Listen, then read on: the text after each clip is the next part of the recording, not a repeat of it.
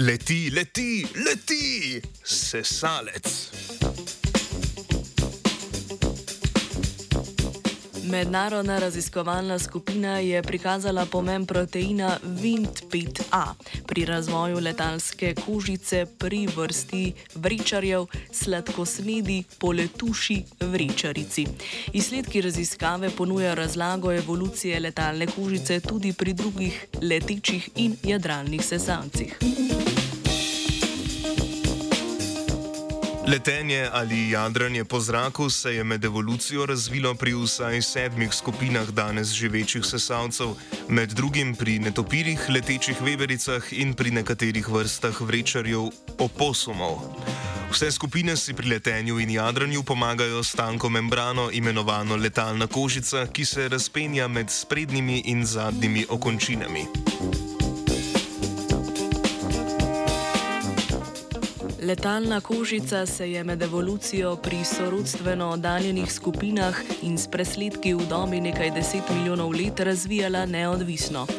Dejstvo takšnega evolucijskega razvoja nakazuje obstoj bolj splošnega biološkega mehanizma prisotnega pri večjem številu sesalcev, ki se je lahko z le nekaj genetskimi spremembami preusmeril v razvoj letalne kožice.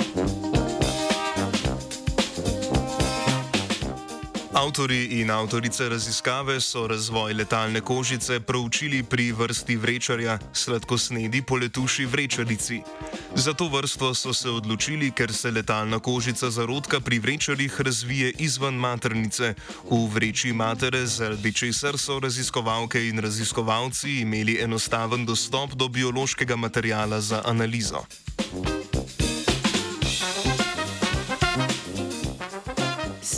Spremljanjem izražanja genov v razvijajoči se letalni kožici so raziskovalke in raziskovalci okrili, odkrili ključno vlogo proteina Vint5A.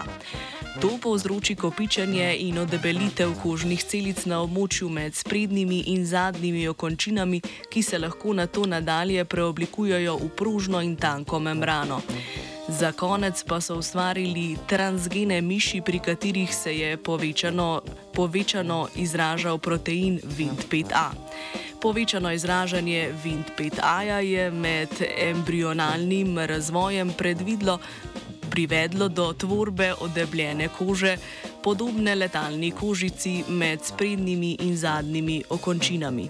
Odkritje kaže na obstoj široko ohranjenega razvojnega sistema med sesalci, ki se lahko preusmeri v razvoj letalne kožice s spremenjenim izražanjem malega števila genov.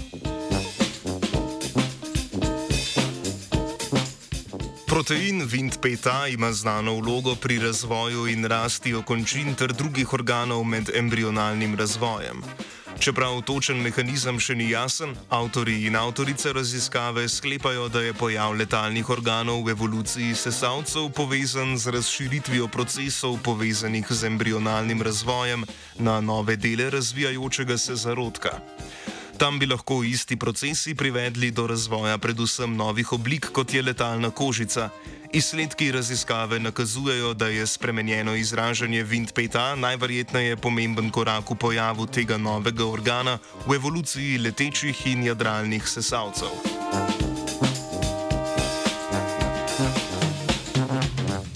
Prizemljen ostaja Arne. Three, two,